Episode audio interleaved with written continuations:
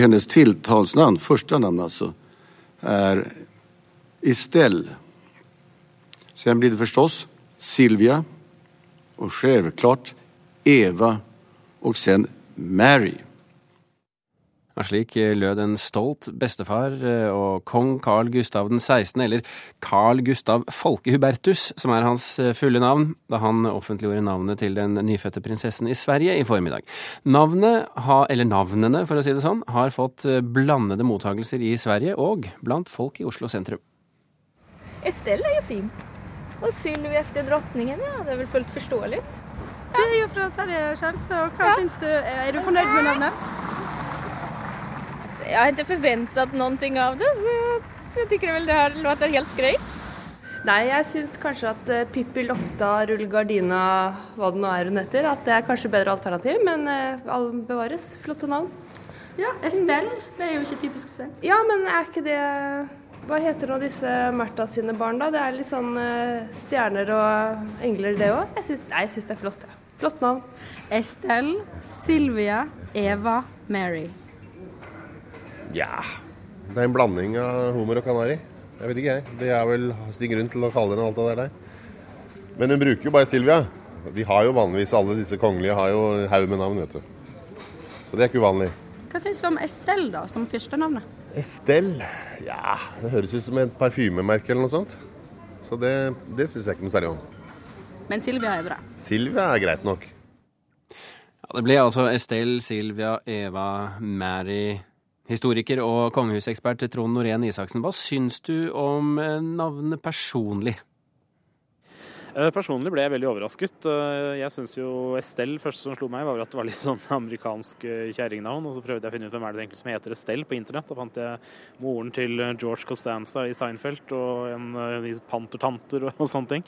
Så det bekrefta vel den oppfatninga. Eh, veldig overraskende med navnevalg. Man hadde jo regnet med noe historisk, og så har de da tatt noe som ikke har noen historiske eller svenske forbindelser. Men da hvorfor akkurat disse eh, navnene?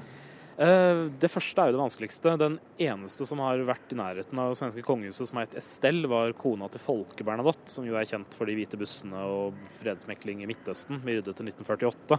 Men hun var jo egentlig inngiftet amerikaner? Hun var inngiftet amerikaner. Hun var en god venn av eh, Victorias eh, farmor, men altså, hun døde i 1984, så jeg kan ikke tro at Victoria har hatt noe veldig spesielt nært forhold til henne.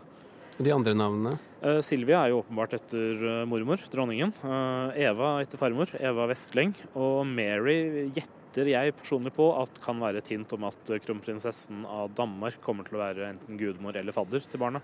Men er det ikke sånn at Eva Vestling også heter Eva Kristina Vestling? Hun heter Eva Kristina Vestling, ja. Og Kristina var vel kanskje det som de fleste hadde ventet. Sverige har jo hatt tre regjerende dronninger som het Margareta, Kristina og Ulrika Eleonora. Og monarki handler jo om kontinuitet. Man vil jo vanligvis ta et tidligere dronningnavn, og gjerne et som gir et litt høyere ordenstall enn eh, den første. Så Kristina den andre, f.eks. Ja, og forfatter Tor Boman Larsen sa jo i Kulturnytt her i går eh, at om man følger tradisjonen, så måtte det bli Kristina. Det har vel han og jeg ventet oss, ja. ja. og de fleste har vel ventet i hvert fall et dronningnavn, eventuelt fra en inngiftet dronning, Sofia, Desideria eller Josefine. Men hva, for, men hva forteller det at de har tatt avstand fra denne tradisjonelle måten å tenke på? Det kan vel uh, tyde på at de kanskje har satt altså, sin egen personlige preferanse først. Uh, jeg tenker jo at uh, som tronfølger så skal man ha et historisk navn, og som tronframtidig svensk dronning så skal man helst ha et svensk navn. Og de har jo da valgt noe som ikke er noen av delene. Så det må jo antakeligvis bety at det er fordi de liker navnet, rett og slett.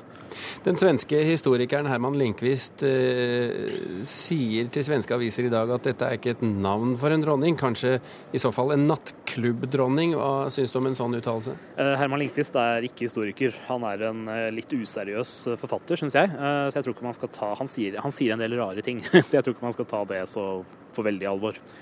Hvor viktig er det å velge navn som knytter den nyfødte til historien, eller hvor viktig er det at de ikke har gjort det? Altså Jeg som historiker syns selvfølgelig at det er viktig, fordi nettopp som vi var inne på at monarkiet handler om kontinuitet. Og F.eks. i 1905, da vi valgte prins Carl av Danmark til Norges konge, så tok han et norsk navn, og han tok da det navnet som ville gi ham det høyeste nummeret i den norske kongerekka, Håkon den syvende. Her får man jo en dronning Estelle den første. Det sier ingenting om det svenske monarkiets historie, eller om den svenske staten, eller om kontinuitet i det hele tatt. Takk skal du ha, historiker og kongeekspert Trond Norén Isaksen.